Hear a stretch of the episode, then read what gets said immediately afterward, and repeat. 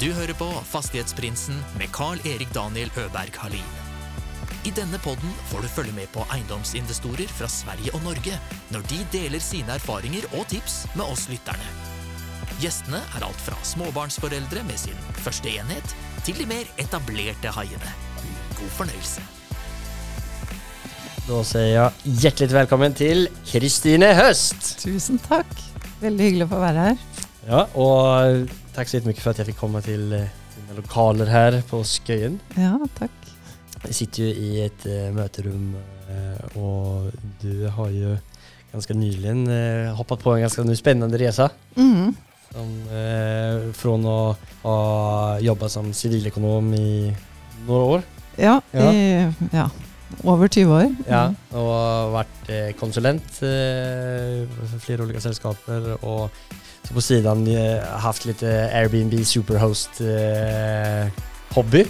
Ja, egentlig ja, eiendom generelt. da. Ja. Både oppussing og ja, diverse innenfor eiendom og utleie. Mm. Mm. Ja. Og så har gått og grått litt, og nå i, i sommer så er du 100% på egne ben. Ja, gründer. Spennende og skummelt på samme gang. Ja, ja, det er en kombinasjon. Men det er mest spennende og mest gøy, syns Ja. jeg. Mm. Hvem, eh, hvem er Kristine, bortsett fra eh, det her? da? Ja, bortsett fra det. Jeg er um, eh, Ja, start med starten. Jeg er oppvokst i Hølen, som er liten, eh, lite tettsted utenfor eh, Oslo. Og eh, drømte hele livet egentlig om å komme meg ut, til, eh, ut i verden. Ja. Og føler egentlig at jeg har fått eh, gjort det. Reist masse gjennom jobb og, og bodd eh, ute i Asia flere år. Og, Mhm. ja.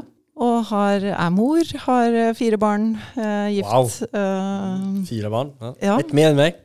ja, Det er bra jobba. ja det, det, nå er de ganske store, da. Så. Men det har jo vært en, eh, det har vært en jobb, det, ja. Men eh, veldig gøy, det, ja. Ja. Så, ja. Men du var i Asien, var, var det som konsulent? Eh, det var faktisk- via- Eh, ja, eller da jobbet jeg i Telenor. Så Mm. da jobbet jeg som eh, ja, leder i, Ja. i Telenor. Og etablere noen greier i der? Eh, nei, det var for så vidt et Da hadde Telenor et selskap uh, i uh, Malaysia, da. Ja. Så da jobbet jeg for Digi, Ja. eh, som det selskapet het. Så Ja. da dro vi hele familien Ja. ut. Og ja, det var, det var veldig gøy. Det var Spennende faktisk, eventyr. Ja, det var det. Det var jo som sagt, jeg drømte alltid om at jeg skulle jobbe ute. Så da jeg startet i Telenor, så var egentlig det også fordi at det var et internasjonalt selskap, og der visste jeg det var muligheter. Og det var egentlig det som var det store målet, var, og drømmen, var å kunne flytte ut okay. med familien. Ja. Så øh, fikk vi prøvd det. Det var øh, ja, veldig gøy, morsom erfaring. Og for barna spesielt, da. Det var jo veldig definerende for hvem de ble. Å Ja. bo fire år ute Hvor lenge på, var det? øh, på barneskolen. Nei, nå begynner det å bli en stund siden. Vi kom hjem i 2014. Så ja. Eh, og altså, den, om man skal si din strategi innom eiendom som du har uh, hatt, eh, kan du berette litt, bare kort summert om hva det er? Ja. Ja, det har vel eh, egentlig vært eh, for det første veldig langsiktig perspektiv på det. Jeg Mm. startet, jeg husker de første sånn, samtalene om eiendom hadde jeg med min far. Han hadde lyst til å gå over, han hadde en hjørnesteinsbedrift og ønsket å Hva egentlig innebærer, hva innebærer det? En Altså en, ja, en eh, sånn eh, veldig viktig for lokalmiljøet i Ja. Vestby kommune. Da. En, Ja. produks, en produksjonsbedrift. Mm. Aluminiumsproduksjon. Mm. Uh, men han uh, fant ut at han ønsket å vri virksomheten over på eiendom, så han startet et eiendomsselskap og hadde egentlig planer om å investere mer i eiendom. Da. Ja. Og det var vel sånn jeg ble interessert i det. Så de første samtalene om eiendom hadde jeg med han. Og så kjøpte jeg jo da min første leilighet da jeg var 24, som var en leilighet uh, i Oslo. Mm. Uh, og der bodde jeg bare ett og et halvt år før jeg da flyttet inn med han som nå er mannen min. Mm. Så da begynte vi å leie ut den, Ja. og så har vi egentlig hatt litt sånn strategi hele tiden om å makse eh, belåningsgrad Ja. og Det har vel vært en bra strategi eh, sett tilbake?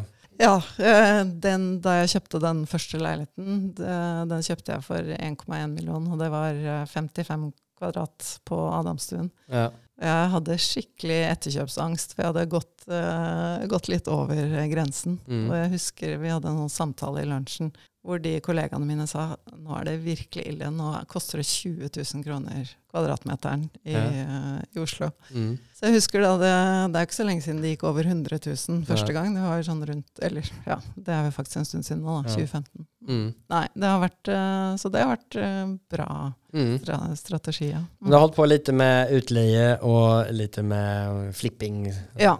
Ja, så det var den første. Og så, og så kjøpte jeg Eller vi, da. Det er jo det er kanskje jeg som har drevet det, men jeg har hatt den med mannen min hele tiden, så det, vi har vært to. Eh, Så kjøpte vi først en leilighet på Tøyen, så det var sånn flipping, ja. Mm. Som vi beholdt i noen år og leide ut eh, før vi solgte. Og så kjøpte vi en til, eh, samme sted, samme bygård. Ja, og så kjøpte vi en leilighet i Frankrike, og da måtte, det var egentlig en milepæl, for da måtte vi over fra langtidsutleie, som egentlig var det vi hadde lært oss da, Mm. til korttidsutleie, da, for det Mm. var en leilighet vi skulle bruke selv. Ja. Og det er jo en helt eh, annen greie. Det, det ligner jo mer på hotell, Mm. Ja. så det er Ja, Men spesielt om det er langt bort. Altså, når man Ja. ikke bor i Frankrike, så er det jo sikkert litt mer eh, system uh, og business mind Ja. som kommer til. Å få det til å gå rundt. Ja, for Ja. det var egentlig det som var uh, greia som jeg lærte meg da, er jo da korttidsutleie som går av seg selv. Altså utleie som går av seg selv. Mm. Um, så eh, ja, det var også veldig spennende da vi kjøpte den leiligheten. For da vi hadde jo ikke råd til det uten å, å få de leieinntektene. Så, det var, eh, så vi gambla litt på at vi skulle få til det, da. Men Ja. det har gått fint. Ja. Så, ja. Men og nå så har du da tatt din kunnskap altså, bak, som siviløkonom og eh, erfarenhet av utleie og pakkettere ihop det til å lære ut det til andre. ja. Så nå har jeg startet et selskap uh, som driver med online-kursing. Ja. Uh, innenfor, og det skal være innenfor mange ting innenfor eiendom. Mm. Um, men det første kurset som jeg har startet med nå, det går på korttidsutleie av uh, hytta. For der tenker jeg at det er et stort Altså det er mange nå som sliter med høyere renter Mm. eh, og høyere kostnader. Så, og hytta er jo et kostnadssluk eh, Ja. for mange. Vi, og den brukes jo veldig lite av mange også. Etter hvert som barna blir større, så har man ikke tid, og så har man dårlig samvittighet for at man ikke er der. Så da kan man tjene gode penger på å leie ut hytta. Har du noen erfarenhet av uh, leie ut hytta også? Ja, for det, etter at eh, vi hadde jo da investert i hytte, og så etter at vi da lærte oss korttidsutleie med denne leiligheten i Frankrike, Ja. og så ble jo barna større, og vi var der ikke så mye. Mm. I utgangspunktet hadde vi tenkt at nei, hytta den kan vi ikke leie ut. Eh, Nå leier vi ut alt annet, vi kan ikke leie ut hytta. Men uh, så var vi der ikke nok, og så tenkte vi hvorfor ikke? Og det, det er jo først og fremst en psykisk eh, barriere. Jeg tror det er mange som tenker det. Ja. At hytta den kan vi ikke leie ut. den, er, hellig. eh, høyt helig Den er hellig. eh, i Norge. Så Ja, og så tror jeg mange tenker at eh, da blir det jo veldig upersonlig, og det blir bare en sånn utleiehytte. Ja. Men det er jo ikke, det er ikke den erfaringen vi har. da. Vi hadde jo etablert en hytte før vi startet å leie ut, sånn at vi leier jo ut. eh, Og så må man jo selvfølgelig gjøre noen endringer, rydde bort noen private ting, men ikke Ja. alt det personlige. Så, så det er det første kurset som eh, jeg har hatt en første versjon av nå. Eh, og så kommer det en ny en nå som skal lanseres i november. Mm. Så den, eh, det kurset kommer til å hete da 'Ti steg til utleid hytte'. Mm. Og innrikter seg på altså, litt mer privatpersoner som Ja. eh, har en hytte som de eh, kanskje ikke anvender så ofte. Ja, eh, ja, så det er privatpersoner. Eh, I stedet for å investere, eller i hvert fall før man begynner å investere eh, i eiendom for å leie ut, så kan man Ja. begynne å leie ut det man allerede har. Ja. Eh, det er jo mindre risikofylt og Ja. mer lønnsomt. så ja, så det begynner med det. Og så har jeg jo da Så jobber jeg jo med oppussing av eh, gamle hus. Så ja. foreløpig så er eh, liksom visjonen på selskapet mitt eh, lys i tomme hytter og lys i gamle hus. Så jeg pusser opp nå ett hus eh, i Hølen, som er et 200 år gammelt eh, hus. Så det er ganske sånn omfattende renovering. Er det sånn hva heter det, masse re- regler som du må ha sånn her ferg på? Ja, ja. Vernet bygg? Eh, det er ikke vernet, men det er, men det er eh, Altså, det er ikke fredet, eh, men det er mange regler. Fordi at det ligger i sentrum av hølen, så det er Mm. regler for hvordan man kan gjøre det. Og ja, så mye å forholde seg til, og veldig mye nytt å lære. Og så gjør jeg det også i samarbeid med Kulturminnefondet, fordi at det er et kulturminne. Og da er det også en del regler jeg må følge for å kunne få støtte fra de, da. Mm. Blant annet at jeg har nå akkurat uh, renovert grunnmuren, og da må den mures opp på samme måte som de gjorde det da for 200 år siden. Så jeg kan ikke benytte liksom, nye måter å gjøre ting på. Så det er en del ting å forholde seg til sånn. Så spennende. Så det kommer også til å bli et kurs etter hvert, da. Ja. Uh, på hvordan, uh, hvordan man kan renovere gamle bygg. og også få støtte til det. Og, ja. Har du gjort det før? Altså, har du gjort noen sånn oppussing av gamle bygg tidligere? Nei, dette er det første. Og Mm. så eh, har jeg kjøpt ett til som er i gang med nummer to. Da. Så nå har jeg Ja. egentlig to stykker som er Så du har, om man skal summere, du har hytta, Frankrike og noen leiligheter og disse to husene? husen. Ja. Som eh, er gjort eh, på siden av eh, og eh, fire barn. Ja, det har vært gjort på siden av jobben. Ja. Ja. Så det er jo litt av luksusen nå, da, å ha Selv om mesteparten av tiden min nå går jo selvfølgelig til dette nye online-selskapet som jeg Mm. etablerer. Mm. Men jeg har jo mer fleksibilitet, eh, for det er jo en del oppfølging av håndverkere og befaringer osv. Og, så videre, og det å ha mer fleksibilitet da, til å gjøre det ordentlig, det, det er deilig. Ja, i, før vi hopper videre på det mm, mer godtige i alt som du holder på med, så tar vi en sånn liten get to know med sju snabbe spørsmål okay, som du ja. ikke har fått på forhånd. Mm Eh, du får två alternativ så ska du bara säga det som passar bäst eh, in på dig. Okay. Det är inget eh, skrämmande, det lät lite så nej, du har på blivit helt röd. Eh, så första då. Eh, iPad eller notatblock? Eh, notatblokk. Eh, uthyrningsportfölj eller nyproduktionsförsäljning? Uthyrnersportfølj. Surf eller slalom? Slalåm. Team eller ensam är stark? Åh, eh, jeg er litt for ensom uh, nå om dagen, eh, merker jeg. Eh, ja, team, må jeg si. Kaffe eller te? Kaffe. Begge deler. ja, er, det, er det godt? En kaffe-te, bra kombo. 50 analyser eller 80% är gott nog? 80% er godt nok. Siste. modern funkishus eller gammel gårdsvilla? Oh, jeg liker begge deler, men jeg bor i gammelt eh, hus nå. Så Ja, okay, ja. ja, jeg må jo nesten si gamle hus. Ja, Hvis du har hoppet på et eh, 200 år gammelt eh, prosjekt, så ja, må du ha noe som si, jeg si trigger deg i det. Ja da. Mm. Ja, men 80 er godt nok. Det om, om, om man eh, tenker på sånne eh, konsulenter, så eh, Jeg hadde nesten tenkt at det var 50 At- analyser-kategorien. Ja, ja, ja kanskje. Uh, nei, jeg, jeg, tror jeg er mer eh, Altså, Som gründer så tenker jeg at uh, man må ha den eh, 80 er godt nok. Mm. uh, I hvert fall den fasen jeg er i nå, hvor veldig mye Jeg gjør jo alt selv. Eh, sitter og fører eh, regnskap og lager strategier og Mm. lager produktene og Ja, så for å få tilstrekkelig egentlig liksom, kapasitet og driv fremover, da, så så må jeg klare meg med den 80% Pluss en annen ting er at eh, jeg er veldig glad i eh, smidig eh, Altså hele tankegangen bak smidig, da, om at du ikke skal sitte og jobbe ting over 100 ferdig før Mm. du lanserer det. For da Mm. du lærer jo mye mer bare med å få Ja. ting ut, og så lære etter at du får tilbakemelding. Da. Ja. Så jeg hadde jo en beta-versjon av kurset mitt, blant Mm. annet. Uh, Var jo basert på det. eh, At jeg visste sånn cirka uh, hva det skulle handle om. Og så, og så gjøre det som en mindre gruppe, da. Sånn Mm. at jeg egentlig kunne basere kurset veldig mye på hvilke spørsmål er det egentlig de har. ja. Og så lage innholdet etter det. Mm. Var det veldig lærerikt? Det var Mm. lærerikt gøy. eh, Jeg, ja, jeg lærte masse. eh, Og, og de også. Så ja, det var bra. Hva er målet med, med den her, om man tar online-kursen da? Mhm. Eller eh, online-virksomheten? Du har lanserat det her første kurset, Mm. som heter Eh, det- Det heter nå, den nye versjonen, heter Ti steg til utleid hytte. Ti steg til utleie av hytta. Ja. Eh, og du nevnte et annet kurs som du skulle komme i gang med også. Ja, og det går jo på Ja, det er to til som jeg i Mm. hvert fall har i tankene. Det Ja. ene går på lys i gamle hus, altså som går på egentlig støtte den prosessen med å renovere gamle hus, og, Ja. og ting man må tenke spesielt på der, Mm. Og hvor man kan få støtte. Og så er det et som går på hvordan bygge sin egen utleieportefølje, som er når du har da flere enheter, og hvordan investere i den neste, og finne ut av ja, hvilke objekter som er mest uh, lukrative, da. Så Mm. litt mer sånn tradisjonelt uh, eiendomsutviklingskurs.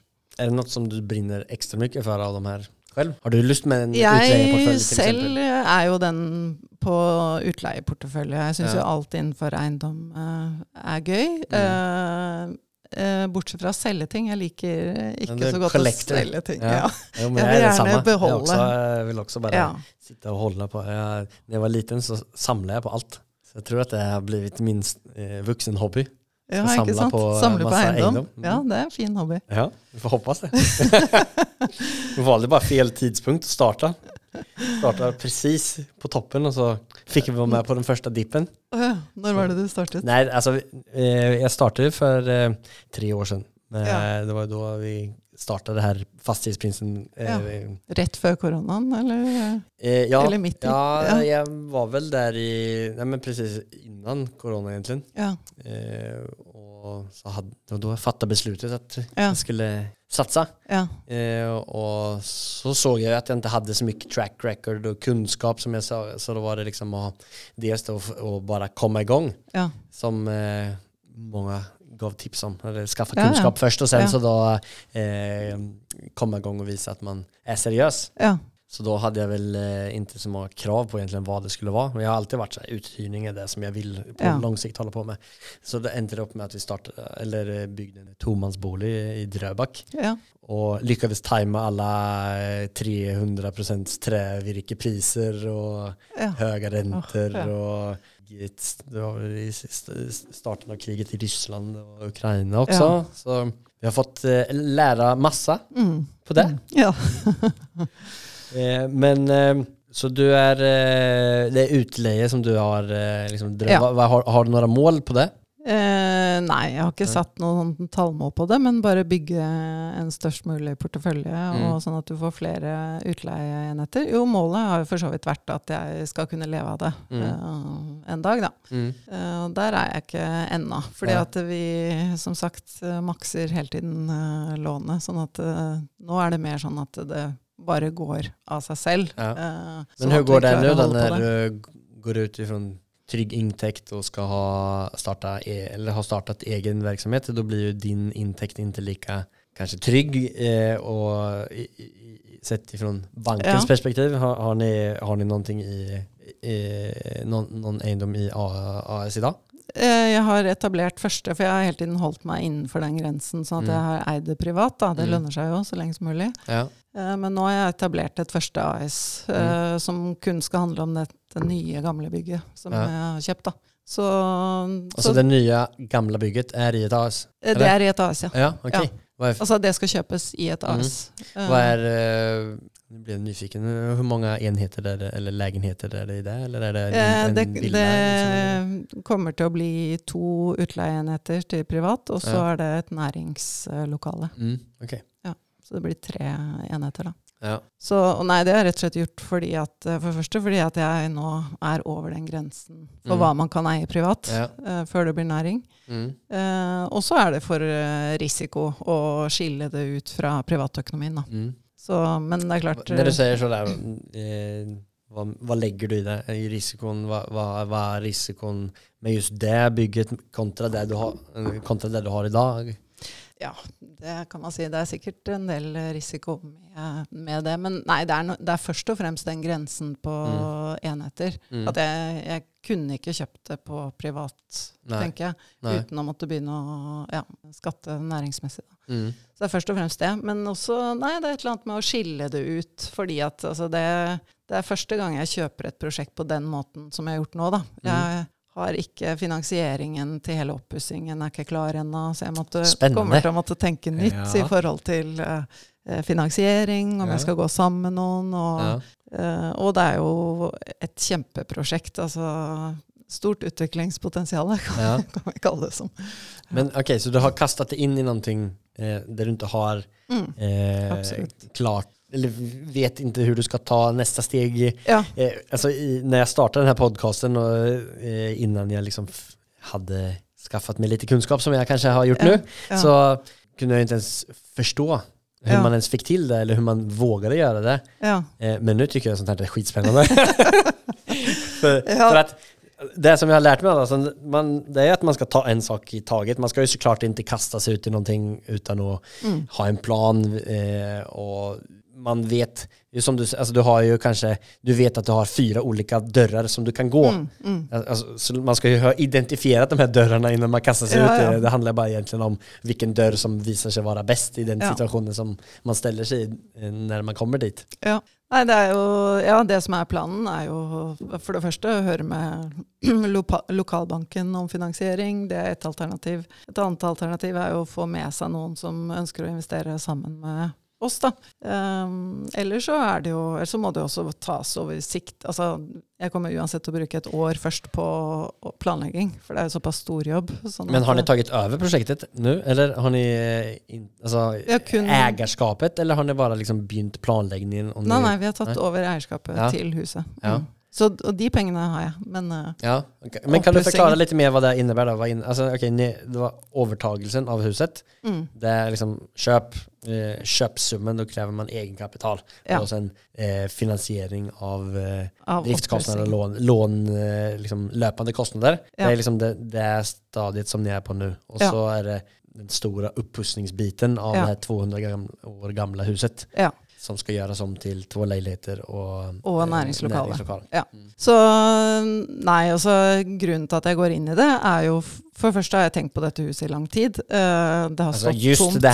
Akkurat dette Ja, okay. huset. Det er et veldig spesielt hus som ligger i sentrum av eh, Hølen. Det er der du kommer er, ifrån? ja, som er et veldig lite sted. Da har du vokst opp og sett det huset så du har laget mange planer i mange år. det har vært, eh, det har vært både eh, brennevinsutsalg og lege, og det har vært mye i dette huset opp gjennom tiden. Okay. Og Sigrid Undset har bodd der. Sånn at det er, er? Sigrid Undset. Det er en jeg norsk ønsker at jeg visste noen ting om någon norsk kjendis, Men kjendis, ja, kändis Ja, var fel ord. Ja. ja, men uh, hun er en av de norske som har fått Nobelprisen i litteratur. Da. Hun er, Mm, eh, ja. så det jeg er ikke på den skalaen av, uh, eh, massa sånt som ligger i min fall. Men hun var ung på begynnelsen av 1900-tallet. i hvert fall. Hun bodde der i 1911, tror Ja, jeg. husker det. Det var så gammelt. Ja. Huset er fra 1840, Ja. og hun bodde der i 1911. Og det har i hvert fall en, eh, en historisk verdi da, at Ja. eh, hun har bodd der. Mm. Og det er et veldig flott hus, eh, så jeg har drømt om det huset. Og det er sentralt i sentrum, og, man kan, og det sentrum trenger at det skjer noe der. Så, så derfor så har jeg tenkt på det lenge. Eh, og så pusser jeg jo nå opp et hus som også er fra 1840, Aha. som jeg har vært gjennom da egentlig veldig mange av akkurat de stegene Ja. som dette huset kommer til å kreve. Og jeg vet eh, hvor jeg kan få støtte, jeg vet Mm. hvilke håndverkere, for du må bruke spesielle håndverkere som kan Mm. gamle hus. Så alle disse tingene har jeg nå fått kompetanse på. Mm. Men jeg hadde fortsatt ikke tenkt på å kjøpe dette huset akkurat nå. Jeg hadde tenkt at om ett år eller to så kan jeg kjøpe det huset.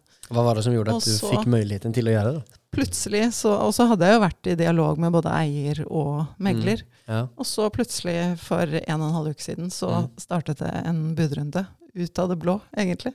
Men var den ute på, på Ja, det, den har, det har ligget til salgs lenge. ja. Og så plutselig var det en budrunde i gang, og da måtte jeg jo Da tenkte jeg oi, det er nå den muligheten går, så nå Mm. må jeg bestemme meg innen Ja. i morgen klokken tolv. For Ja. da lå det et bud til eh, Så da fikk jeg jo med meg han håndverkeren som kan gamle hus, Ja. på visning, og jeg fikk hatt en første prat med Kulturminnefondet, og jeg måtte hive meg litt rundt, da.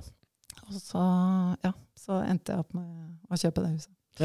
Var det bra pris, eller? eh? Ja, det var under uh, prisantydning, Ja. uh, i hvert fall. Ja. Uh, lå ute til eh, 1,8, og så fikk jeg det til 1,450. -hmm. Så det var under Hva var det du hadde prøvd å, att kuppa det før, før da? då? eh, Jeg hadde ikke egentlig prøvd på det. Jeg hadde bare vært i dialog med de, også, men da lå det ute til mye høyere pris. eh, pluss at da hadde ikke jeg helt den kompetansen heller. Så, så, men nå følte jeg jo egentlig at det var eh, Det huset sto og ropte på meg. Ja, men er det noe spesielt altså, som gjør, altså, finns det noen ekstra verdi å få ut av et sånt här gammelt bygg? Alltså, Eh, det er jo bo, bo, i penger prater vi om nå. ja, Men bortsett fra eh, kultur og så videre. Ja, nei, altså det er jo Mina lyssnare er ikke så interessert av det. ja, det er jo et hus jeg først og fremst har kjøpt med hjertet, det tror jeg Ja. må si. Eh, men jeg håper jo at jeg skal klare å få det til å ikke gå i minus, i hvert fall. Um, så eh, Og det er jo et utviklingspotensial. Det ligger først og fremst i at det er oppussing. Altså klare å få to gode utleieleiligheter pluss en eh, næringsvirksomhet. Mm. Så, men Jokeren er jo også litt den næringsvirksomheten, fordi at det er et såpass lite lokalsamfunn. Så det å få noe næring til å gå rundt, Ja. det er også en liten Hva har du for ideer der? joker der. Joker Ja, eh, Joker, ja. ja. De trenger Det har vært en nærhandelbutikk der tidligere, men Ja. den eh, har ikke gått rundt. Nei, jeg har en idé om, eh, om en kafé à la Det ligger en veldig fin kafé i Rakkestad, Ja. av alle steder, som Ja. heter Fru Blom. Ja. Som er basert på litt uh, tanken som du har på Kafé Grønn, som ligger på CC Vest. Men det er i hvert fall en kombinasjon av um, kaffe og, og bakvarer. Uh, lite koselig kaféhjørne, og litt Mm. sånn utsalg av nær, altså produkter fra lokalmiljøet. Da. Type eplesaft og oster Ja. ja. og litt keramikk og litt diverse. Men, eh, så jeg skal ta en liten sånn befaringsrunde for å snakke med folk. eh, og se. Og så har jeg vært i dialog med noen i forhold til sånn bak, bak, eh, bakeri. Um, men eh, det skal litt til å få det til å gå rundt der. Så, Ja. så det er også spennende. Ja. det der er et moment som jeg tykte var skittråkig før. Eh, men desto mer som jeg har lært meg, så syns jeg det der eh, blir enda mer interessant. å sette seg inn i hva man, Altså, det der er jo eiendomsutvikling. Mm, mm. Alltså hva du har en huskropp eller en tomt, et bygg og hva vad kan du plock, liksom sätta inn der? Mm. Ja, du kan kombinere det med to leiligheter, og så kan du finne någon sånn supernisjet grei som fun- Ja. hadde funka Ja, superbra. For har, om det funka bra der, så har jo du en extremt trygg leieinntekt. Ja. Eh, och ja, nei, men det der, det der er ekstremt spennende, tycker jeg. En, en idé til da, som jeg har. fordi at uh, Hølen har også blitt et, uh, et veldig populært uh, sted for folk som sykler fra Ja. Oslo. For det ligger sånn Ja. perfekt avstand. Det er En Sykkelpumpsbutikk sy- och ja, nei, men mer sånn kafé som er spesielt tilpasset for syklister. Ja. Um, fordi Ja. at uh, folk sykler derfra og så til Son og tilbake igjen, og det er Ja. utrolig koselig å sykle Mm. gjennom Hølen. da. Du kan Men- du ha det der første kaféet også så lite sykkelpumper og Eh, ja. lagergrejer. Och, Ja, ja, jeg har en uh, svoger som er veldig inne i sykling, som uh, jeg har egentlig pitcha om akkurat det samme. Men Ja. det som også er en utfordring, det er at det er én kafé i Hølen i dag, og den er vi alle veldig glad i, for det er egentlig det eneste som skjer i Hølen i dag, er at det, det, er en liten, det er en liten kafé der hvor de har veldig veldig god hjemmelaget pizza. Mm. Så det gjelder å også ikke etablere noe som går i strupen på den, da. Kanskje du ska Eh. få den over dit? Ja, det har et veldig fint lokale det fra før, og egentlig Ja, okay. den altså. Så, ja. Eh, har du, hva er den viktigste lærdommen som du tar med deg hittil i din karriär? Eh, Liksom, er det noen spesiell situasjon du tenker på? Har du vært med om noe det som stressade deg, till exempel? Till Ja. exempel som eh, når eh, jeg ikke fikk solgt eh, mina Thomasbolig mitt i eh, krig og Ja. og korona og och eh, Ja. extremt dåliga finansieringar. Mm. ja. Det stressade meg litt. Har du noe sånt?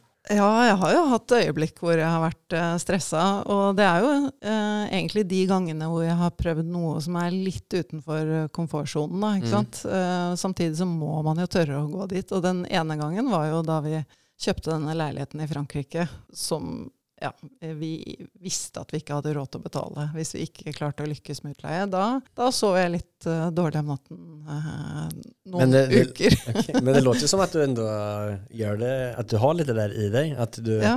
eh, har, du vet att du måste få til det her, men nå fokuserer fokuserar Ja. vi bare på vart vi er nå, og så løser vi det i morgen. Ja, det er nettopp det. Altså ta ett steg av gangen. Og, og litt den der eh, kombinasjonen av eh, hjerte og hjerne. Da. Altså at du, du kan jo ikke eh, du klarer, Det er ikke alle ting man klarer å, å regne hjem eh, helt fra starten, men du må tro litt på den eh, følelsen, da, stole på Ja. magefølelsen om at Mm. dette kan bli noe bra. Ja. Og, og så liker jeg å jobbe med prosjekter som jeg, som jeg syns er gøy, som jeg Mm. liker. Eh, jeg klarer ikke å engasjere meg i prosjekter som bare handler om å tjene penger. Altså det må være, jeg må føle at jeg bruker tiden min på noe som er, som er bra da, for, Mm. uh, for noe annet enn å bare tjene penger. Eh, om du skulle si på deg selv hva, eh, som investor, hva er det som er unikt med deg, eller hva er dine styrker? Eh, jeg, jeg har eh, mye driv. Mm. Eh, klarer å Ja, mye driv. Jeg har et langsiktig perspektiv. Eh, og så har jeg også veldig fokus på dette med kvalitet og at ting skal være bra.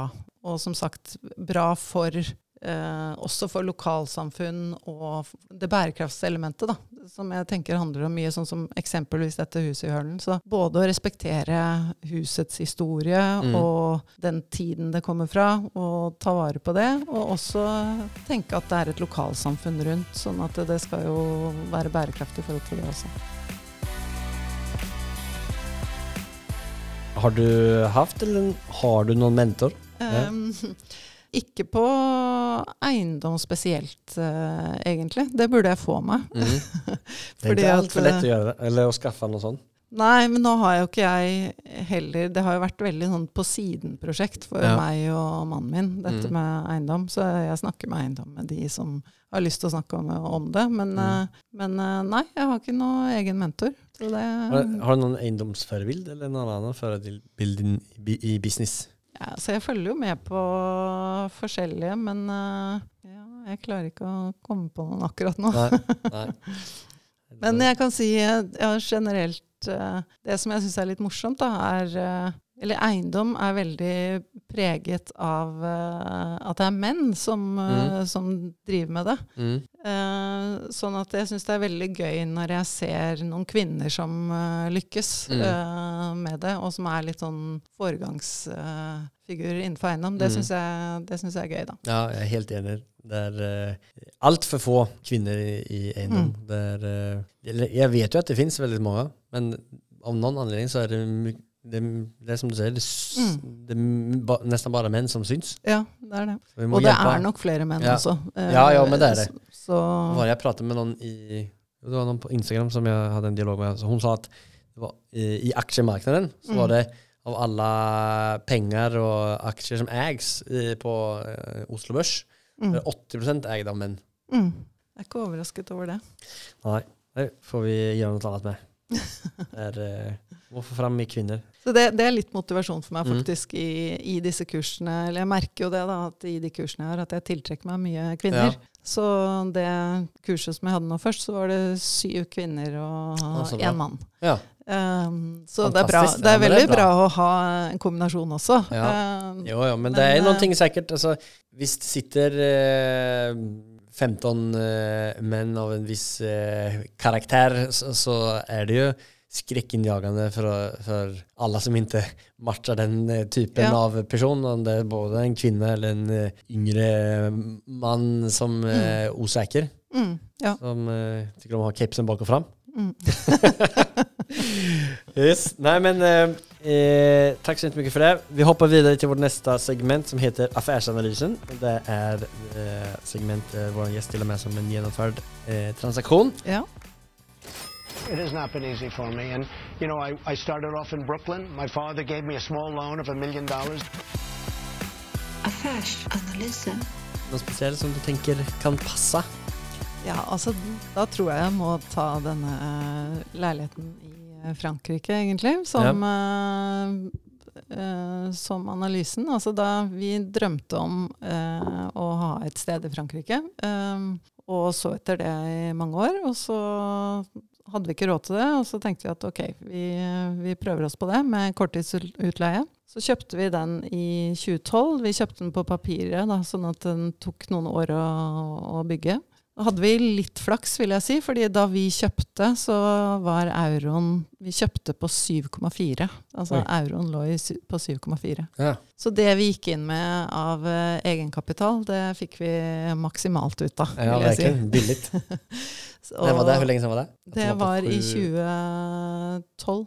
Og ja, det var veldig billig. Ja. Uh, og så husker jeg vi hadde store diskusjoner. Skal vi ta lånet i kroner eller euro. Ja. Eh, fordi det var jo veldig lav euroen da, og vi kunne jo, og burde, kan man si i ettertid, spekulert i at eh, Ja. den kommer bare til å bli høyere. Den kommer ikke til å bli lavere. Mm. Men da snakket jeg med, da brukte jeg en eh, Jeg bruker stort sett folk rundt meg da, til å gi gode råd. Og det som var rådet hans, som er et veldig godt prinsipp, det er Ja. at du må ha lånet i samme valuta som du har inntektene. Og Hva, hva for det? Fordi at da blir du skjermet for valutarisiko. Fordi at hvis eh, La oss si at eh, Altså hvis du har altså et din egen inntekt eller leilighetens inntekt? Ja, og det var jo den vi egentlig også Man kunne jo valgt sin egen Ja. inntekt, da. Men vi tenkte at vi skal leie ut på Airbnb, og Ja. vi skal leie ut i euro, først og fremst. Fordi at de fleste leietagerne kommer til å ikke være norske. Mm. Vi kunne jo valgt en annen strategi og sagt at vi leier ut via Finn Mm. Og, og Airbnb, men mest mot norske, og tar uh, i norske kroner. Mm. Men uh, nei, du blir jo veldig eksponert, og sånn som de valutasvingningene som Mm. har vært nå. Hvis du har uh, inntekter i en annen valuta enn det du har lån i, Ja. og det går feil Mm. vei, da. Ja. Og det er jo egentlig litt den situasjonen vi sitter i nå. Mm. fordi at nå har vi jo lån da i euro, og euroen har blitt så dyr som den har blitt. Så Mm. heldigvis så har vi også inntekter i euro, som er leieinntektene for leiligheten. Hvis ikke så hadde vi jo slitt veldig da, med å betale det lånet. Ja. Så ja. I hvert fall det var rådet. Ha eh, lånet i samme valuta som inntektene. Og da tenkte vi da velger vi euro. Mm. I etterpåklokskapens Jo, lys det så burde vi valgt uh, kroner. Men det, men det går det sånn altså, kan man ikke ju- tenke. Nei. Alltså, så som eh, när jag har intervjuat eh, över 130 pers eh, innenfor det här och de som har vært med i gamet lenge eh, kommer in på det kedligaste av ämnen som är sikkerhet. Mm. Eh, Ja. men jeg, nu- jag ta, eh, jag håller på å ta tilbake noen gamle gjester eh, Ja. som jeg har intervjuet for eh, ett og to og tre år siden. Eh, der eh, kanskje lyssnade med for lite av det øret. eh, eh, Ja. på folk som har vært med, i både én ja. to två och tre kriser tidligere. Nu har jo de kanskje litt mer eh, relevant tips Ja, att Poengen. Eh, med det var Du skulle si noe om sikkerhet. Eh, ja, vad var det? Nå tapper jeg bort poenget, for jeg er så bra på å hitte små poenger i alt jeg ser. Men du kan i hvert fall uh... Jo, nei, men ja, just det. Nei, men altså, poenget er, altså, det, det, det de prater om da, er alltid det her med sikkerhet. Og, og at eh, altså, Warren Buffett sier vel også noe det viktigste er det du skal gjøre, er å ikke tape. Altså tape Mm. aldri penger. mm. Og hvis du alltid skjermer deg for å aldri tape penger, og liksom, da har du alltid oppsiden er oppsiden, Mm. Eh, og så er det liksom, du, är, du, du säkrar alltid nedsidan. Ja. Men att det, det går alltid bra för då, alltså, se på mig själv då, om jag hade gjort det annorlunda, om jag inte hade varit så galen på att starta, då Mm. hade jag kanske säkrat min si, nedsida lite bättre än vad jag Mm. gjorde nu. Mm. Eh, då hade jag ju haft de där pengarna med dem och, och kunnat göra massa saker som jag hade tänkt att göra Ja, ja. med de pengarna. Ja. Som nu är låst i ett projekt i lite för lång tid framöver. Ja. ja. Men, men det är också så här, det hade, det hade jag inte varit med om det här projektet så hade jag inte Nettopp. eh, varit tvingats till att tänka så kreativt som jag var tvungen att Ja. gjort nu, som har satt mig i massa situationer som jag gjort, med massa möjligheter som Mm. gör att kanske det går fortare för att det gick åt helvete i början. Mm. Nei, det er jo det. Man lærer jo noe av det uansett. Og så tenker jeg innenfor eiendom, så lenge du har et langsiktig nok perspektiv, Ja. og, og klarer å bli sittende i de periodene, da, det er det som egentlig er den store risikoen. Hvis du blir tvunget til å selge eh, når verdien er lav og høy rente, f.eks., Mm. så kan man jo Men eh, ja. Du jeg, jeg bare satt og spann videre på at jeg skal gjøre et kurs som heter eh, Fuck up i starten. Nei, jeg skojar. Eh, men eh, eh, tilbake til Frankrike da. Hva, hva kosta objektet som du kjøpte? Det kosta 960 000 euro. 960 000 euro. Mm. Og hvor mye leieinntekter har man på det? Jeg ligger på rundt eh, 400 000 norske kroner. Ja, så ja. 40 000 40 000 euro. euro Ja. cirka. Mm. Ni, har det, ni använder det som eh, feriehus Ja, också? ja. Eh, lägger ni in det i kalkylen? Eh, Ja. Altså Alltså att eh, vi lägger si och så mycket varje sommar eller höst Ja. på ferie och så stryker ni bort det från kostnaderna och liksom subsidierar det? Ja, altså det går Vi klarer å få det akkurat til å gå rundt. Så det er klart vi er avhengig av eh, verdistigningen eh, på sikt da, Mm. for at det skal bli positivt. Så det igjen som de andre prosjektene, det er ikke sånn at vi sitter og tjener penger på det, men Mm. det finansierer seg selv. Mm. Eh, gitt, altså Vi gikk jo inn med en del egenkapital, Mm. eh, og så har vi da et lån. Og med de inntektene vi får, så betaler det også ned lånet. Eh, så nå er vi jo ja, halvveis i den uh, perioden. Da. Så, Hvordan ser lån ut? For ni hadde lånet i, i, i, I fransk bank. Ja. Hva er kraven på egenkapital? Det er kanskje annerledes nå? Ja, det det har faktisk 2012, eh, blitt, ja, det har faktisk blitt veldig mye vanskeligere å få Ja. lån i bare det å få en fransk bankkonto. Så det er jo Ja, ok. blitt kjempevanskelig. Men, eh, men eh, ja, vi hadde jo Vi tok 600 000 i, i lån. Mm. Og ja, så var det 900 000, da. Så Mm. Hur, hur har verdistigningen sett ut i eh, Frankrike? Hvor ligger det i Frankrike? det ligger uh, i Antibes-området. Mm. Mm. Uh, den Nei, Hva, altså, jeg vil jag, si jeg er helt verdiløs på geografi. Så jeg, jeg, jeg har hørt hört som... om... Ja, OK. NIS. Ja. Ja, jo, der har jeg faktisk vært. NIS. Ja.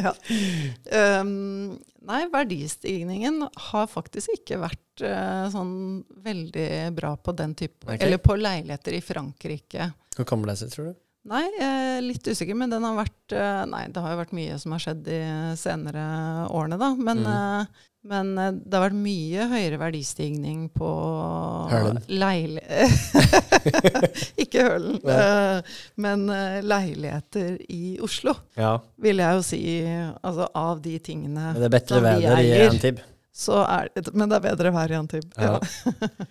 så, men eh, for oss så eh, Det handler jo først og fremst om at leiligheten blir betalt ned eh, uten at vi på en måte Mm. er med på det, da. Så, så er jo det lukrativt i seg selv.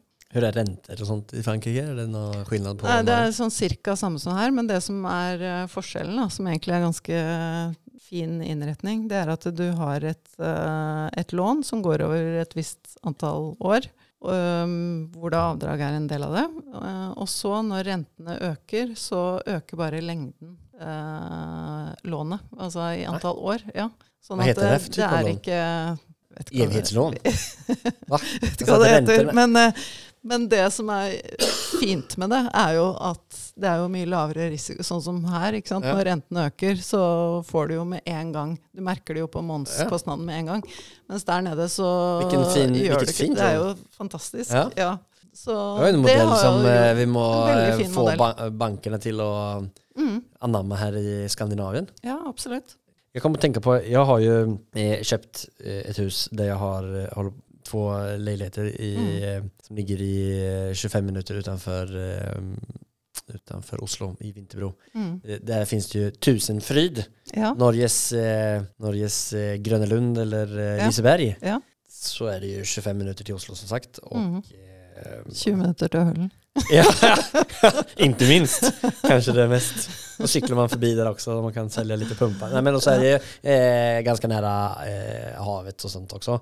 Eh, och, och vi står ju där eh, i tankarna vad, vad som är smartast eller bäst uh, Mm. att göra med det här. Vad tänker du?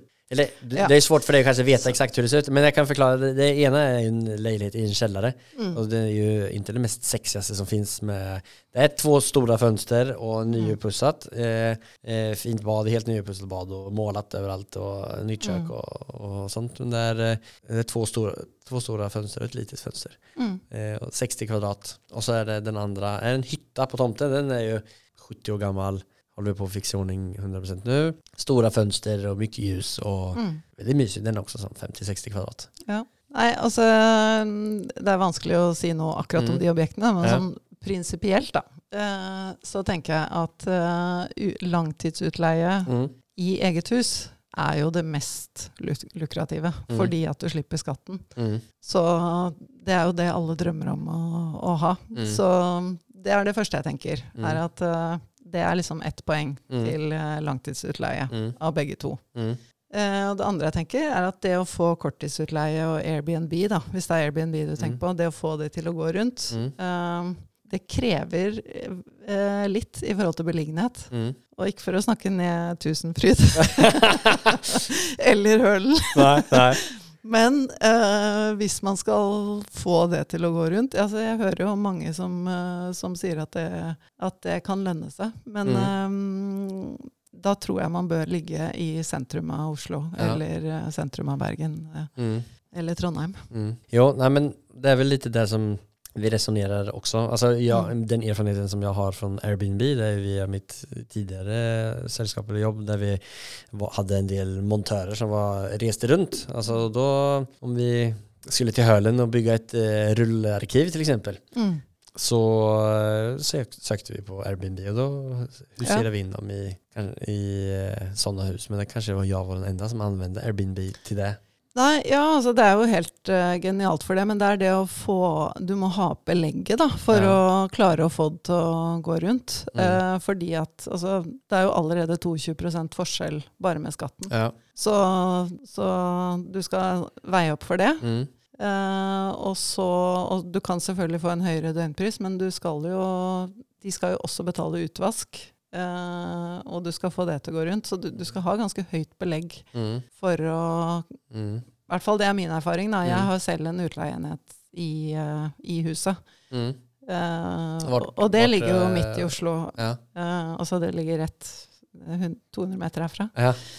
Jeg har ikke vurdert å ta det som korttidsutleie. Jeg tenker at Nei. det lønner seg mest med langtidsutleie. ja.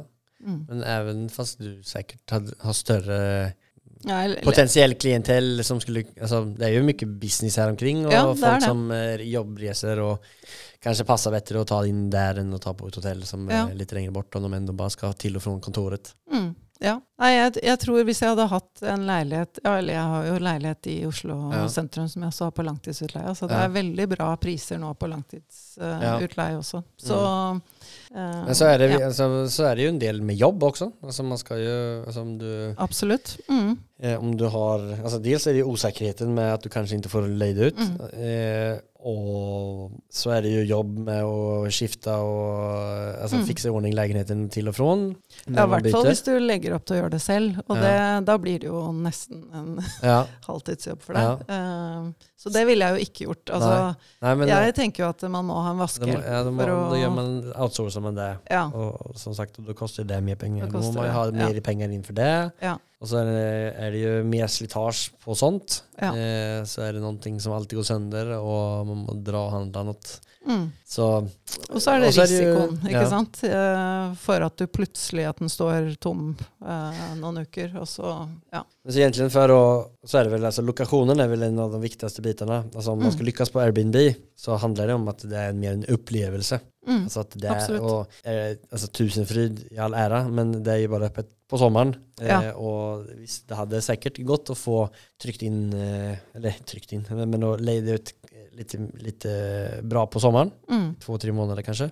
Men eh, etter det så må man jo ha det på långtidsleie, og Ja. det har vi også vurdert. Men det er også svårt å finne en bra eh, lejetagare ti månader. Det kan jo være noen student så klart, også, man kan kombinere det. Mm. Men uh, det er ikke så mye student just der. utan da er det om man skal til Ås, Ja. Da, är det då må de ha bil og det er ikke sikkert at studenter har det. Ja. En veldig nischad eh, typ av gjest som man belägrar seg på for at det skal bli det mest optimale Ja. eh, utleiecaset. Men jeg tror faktisk det er, det er en modell som jeg har tenkt på. Mm. Uh, for jeg har sett litt på investering i leilighet i Bergen og Trondheim i Mm. det siste. Eh, og det er også liksom vanskelig å få til å gå rundt nå med Mm. renter, og det kommer Mm. selvfølgelig an på hvor mye egenkapital man har.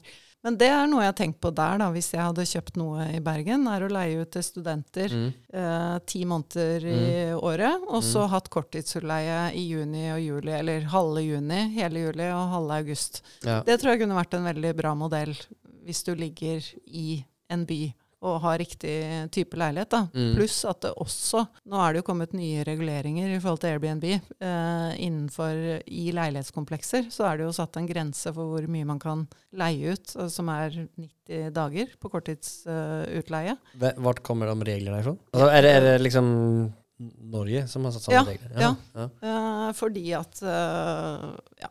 uh, fordi at de var redd for at det skulle bli for, for mye korttidsutleie i Mm. Jeg tror om det er begrenset til borettslag eller sameier, eller Men det er i hvert fall en sånn regel på 90 dager, da. Mm. Og så kan det enkelte sameie bestemme at det enten skal være 60 eller opp til 120. Men det betyr, Ja. Så de har fleksibilitet innenfor det, da.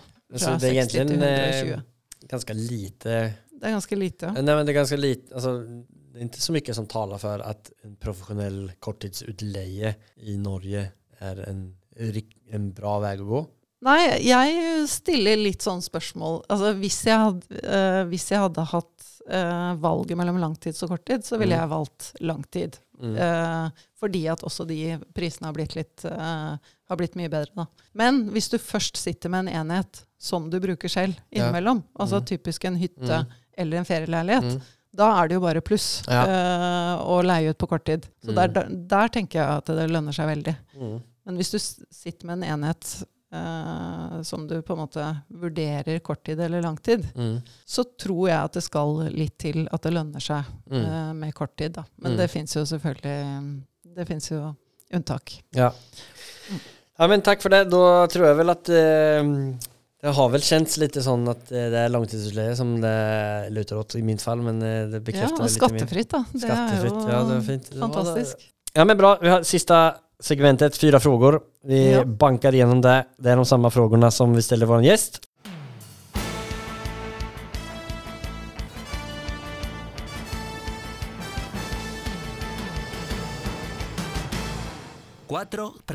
Och den första frågan är, vad är det som skiljer en framgångsrik entreprenör mot de som inte lyckas, slutar eller aldrig kommer igång?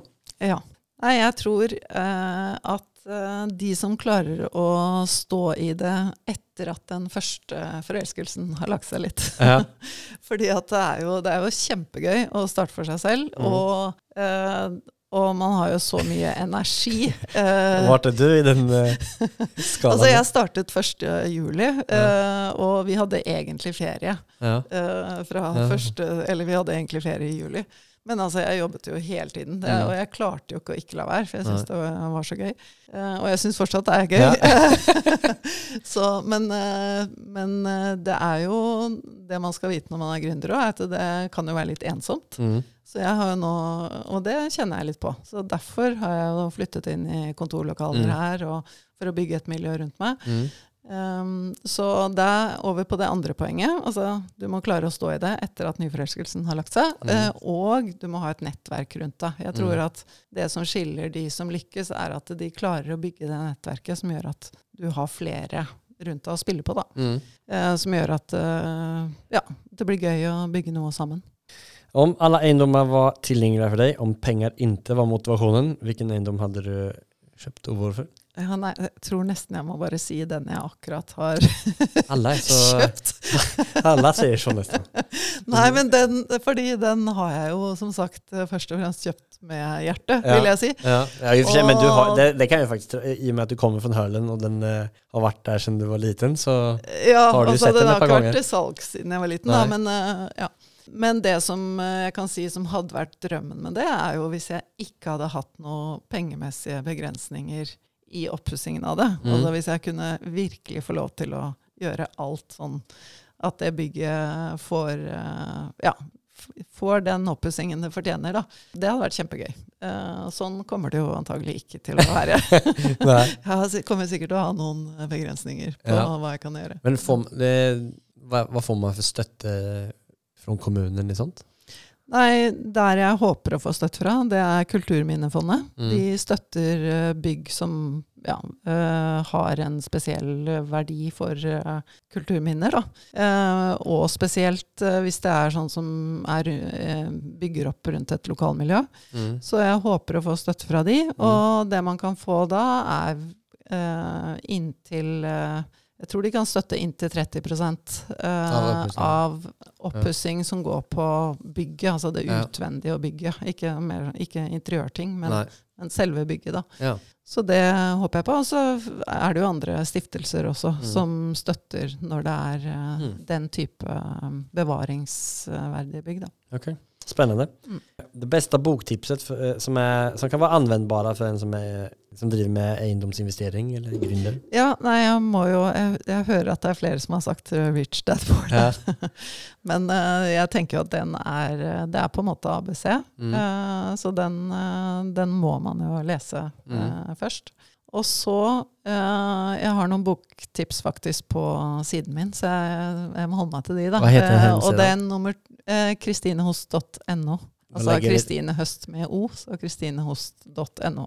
Da legger vi det i beskrivelsen Men, også eh, på podkasten. Ja, eh, men der er, det, der er det også en eh, annen bok som jeg anbefaler, som heter eh, The Art of Possibility. Eh, og det handler jo mer om Det handler ikke om eiendom, men eh, det er jo om eh, tankesett. Eh, Og det tenker jeg er kjempeviktig, både som gründer, men også innenfor eiendom. Er jo det med å fokusere på, på mulighetene og litt sånn som du sa, at når ting faktisk går galt, klare å tenke at det er ting jeg lærer av, og hvordan kan jeg lære mest mulig til neste gang. Mm. Det var veldig enkelt uh, forklart til en uh, bok som er uh, Ja, er, hvem er det som har skrevet den? Det, det Eh, det er en som heter Benjamin Sunder, som er Han er vel Alltid kul å få nye dirigent, bok. Mm. bokdirigent. Ja, faktisk. Var, grunnen til at jeg kom over den boken, er at jeg var så et foredrag av han. Det var faktisk Telenor, eh, noe lederutviklingsopplegg i Telenor, hvor de hadde leid inn han. Og han, ja, han er dirigent, ja, eller har jobbet sånn, jeg er gammel nå, da. Ja. Men uh, han hadde jobbet som uh, dirigent for en eller annen filharmoni i mange år. Og så er det han og hans kone som har skrevet denne boken sammen. Mhm. Og, og hun er det vel kanskje spesielt, som har uh, studert mye NLP, hvis du kjenner til det. Som er sånn Nei, aldri hørt. Nei. Neuro-linguistic programming handler, okay. også handler om hvordan hjernen fungerer, og mm. Mhm. språk og hjerne. Og, ja. Så det er de to som har skrevet den sammen. Da. Eh, det er en veldig bra bok. Ja, men så bra. Ja. Da skal jeg alltid, Jeg blir alltid glad når jeg får noen sånne boktips som noen sier det her er riktig bra, som jeg aldri ens har hørt eh, Ja, ja. Siste spørsmålet. Nevn det mest storartede, minnesverdige, morsomme settet som du har firet en gjennomført affære eller seger på. Ja, ehm, nei, eh, ja det, jeg måtte tenke litt på den der. Vi har ikke, jeg tror ikke vi har hatt sånne storslåtte feiringer. Men jeg vil si at eh, jeg og mannen min, det er jo egentlig vi to som er dette radarparet i det vi driver med, er jo Vi er ganske gode til sånn eh, feire underveis. eh, og jeg tror vel egentlig det at vi klarte å beholde, klarte å beholde den leiligheten i Frankrike. Ja. At vi faktisk fikk til det å gå Ja. rundt, da. Det, Ja. det har vi det har, kan, Vi har hatt mange kan på si se det, man kan sitte og fire ganske bra der nede med Ja. de naturtilgangene som finnes der. Ja, så jeg tror jeg må si det. Ja, Mm. nei, fan, det, er, det er også en eh, drøm som jeg og Paula har. At vi skaffer oss en stor leilighet eller villa Ja. i eh, Nice i Frankrike. Ja, Eller kanskje i Antibes. ja nettopp. Men vi, for vi, når vi var der, så fikk vi eh, fanns vi ut at Bono i YouTube bor någonstans Ja. der. Ja, Vi skal bli granne med han tenkte vi. ja ikke Så det sant? Så kan vi ha litt fester til alle Ja, ja, men det er bra. Nei, men det er bra. Da mm, ses vi, ses vi der. Ja, det gjør vi. Det gleder jeg meg til. Du får bli med på kurset mitt i forkant, da. Sånn Ja. at du får lagt opp den Ja, eh, utleie som går av seg selv. Ja, Det er viktig, sånn at det blir selvfinansierende. Og den kursen finner man på din hemsida Ja, det gjør man. som var Kristinehost.no. Og der eh, skal jeg i gang med nytt kurs nå i midten av november. som handler om Som handler om eh, hvordan du skal bygge opp en utleie som går av seg selv. Om det er hytta di eller utleieleiligheten. perfekt. Skal jeg lære meg enda mer om det. for utleie er det som jeg syns er veldig kul. Ja. før, vi, för vi runder av. Eh, du har jo to prosjekt gående nu. Eh, det er Mm. Är inte klar for å kjøpe noe nytt eh, akkurat nå. Da har fingrarna fulle med kurser og nystartet firma og to upppussningsobjekter. Ja. ja, dessverre. Altså, og det er, jo, det er jo kapital som hele tiden er begrensningen Ja. innenfor eh, eiendom. Og jeg Mm. tror egentlig hele veien, da Akkurat nå har jeg ganske mye, men sånn hele veien så har jeg egentlig hatt mer kapasitet enn det jeg har Ja. klart å fått eh, utnyttet. Så Ja. det er kapital som er begrensningen. Ja. Ja. Det neste spørsmålet er om det er, noen som om det er noen person eller selskap som du vil komme i kontakt med så er det noen med penger som kan være med og bidra til din framtidige vekst, egentlig. Ja, og det, og det er noe som er veldig nytt for meg. Da. Det Mm. å skulle gå sammen med noen om Ja. finansiering. Det har vi Mm. aldri gjort før. Eh, og det har vært veldig sånn enkelt, så da du spurte i sted team eller Ja. eh, enmanns. Så det er jo noen fordeler med å være alene også, Ja. og det gjør jo at ting er mye enklere. Mm. Eh, så jeg har alltid egentlig bare gjort det. Så det å skulle liksom prøve å gjøre noe sammen, ja, eller finansiere nye måter å finansiere på, da, når man Mm. ikke klarer å finansiere alt selv, det, det er utviklingsområdet for meg. Spennende. Om du hadde passat videre mikrofonen til en eh, gjest, bransjekollega. Ja. Fins det noen som du tenker kunne vært eh, kul å intervjue? Eh, jeg syns at du bør få flere damer eh, hit, Mm. da. Eh, Helt enig. Ja. En av de som jeg kommer på nå, er Hedda Ulvnes, som, eh, som jo er eh, administrerende i Skal vi se Eie, er det det? Hedda. Ulvnäs, eller? Ja. Hun er administrerende i Eie eiendomsmegling. Eh, og har eh, masse styreverv og mye erfaring med um, eiendom. Eh, så hun er en av de som jeg syns er veldig spennende å høre på. Mm. Og Hur, hur, gøy å se at noen uh, hva, hva, er det som gjør uh, at hun er en interessant person uh, och, så- som du nei, tror det kan vara med og bidra her? Egentlig det at jeg, det er så sjelden jeg ser kvinner som, som har den type fremskutte posisjoner, da, Mm. og, som sitter i mange styrer og, Mm. og eierposisjoner i selskaper. Og, Mm. så, ja, og fordi hun kan mye om eiendom. Ja. Så Ja, ja men superbra. Det er, eh, vi intervjuer jo både liksom de som driver med utvikling og investering men også mange nærliggende skal jeg säga, profiler i, i näringskedjan som stöttar upp Ja. under eh, investering. Så det är, eh, mäklare är ju verkligen någon som har pulsen på egendomsbranschen. mm, mm. Så det ska jag verkligen göra. Spännande. Tack så mycket för det tipset. Ja, nu har vi suttit och pratat eiendom ganska länge vi. Det har vi. Det var eh, veldig hyggelig å få lov å være her. Superkul. Har du något sista tips till alla nya investerare för vi springer vidare till vårt? Hva skal man si? Det er jo bare å starte i det små, kanskje det. Tørre å ta det første steget og, og sikre at man har nok exit-muligheter, sånn at man ikke ja, gjør for store tap. Eh, Ja. Men eh, ja, prøve seg på det første prosjektet, da. Og starte i det små. Tror Mm. jeg er mm. Superbra tips. Takk så jettemye, Kristine Og gå inn på kristinehost.no vill veta mer om Kristine och, och hennes kurser framöver. Mm. Tack så jättemycket. Tusen takk. Tusen takk.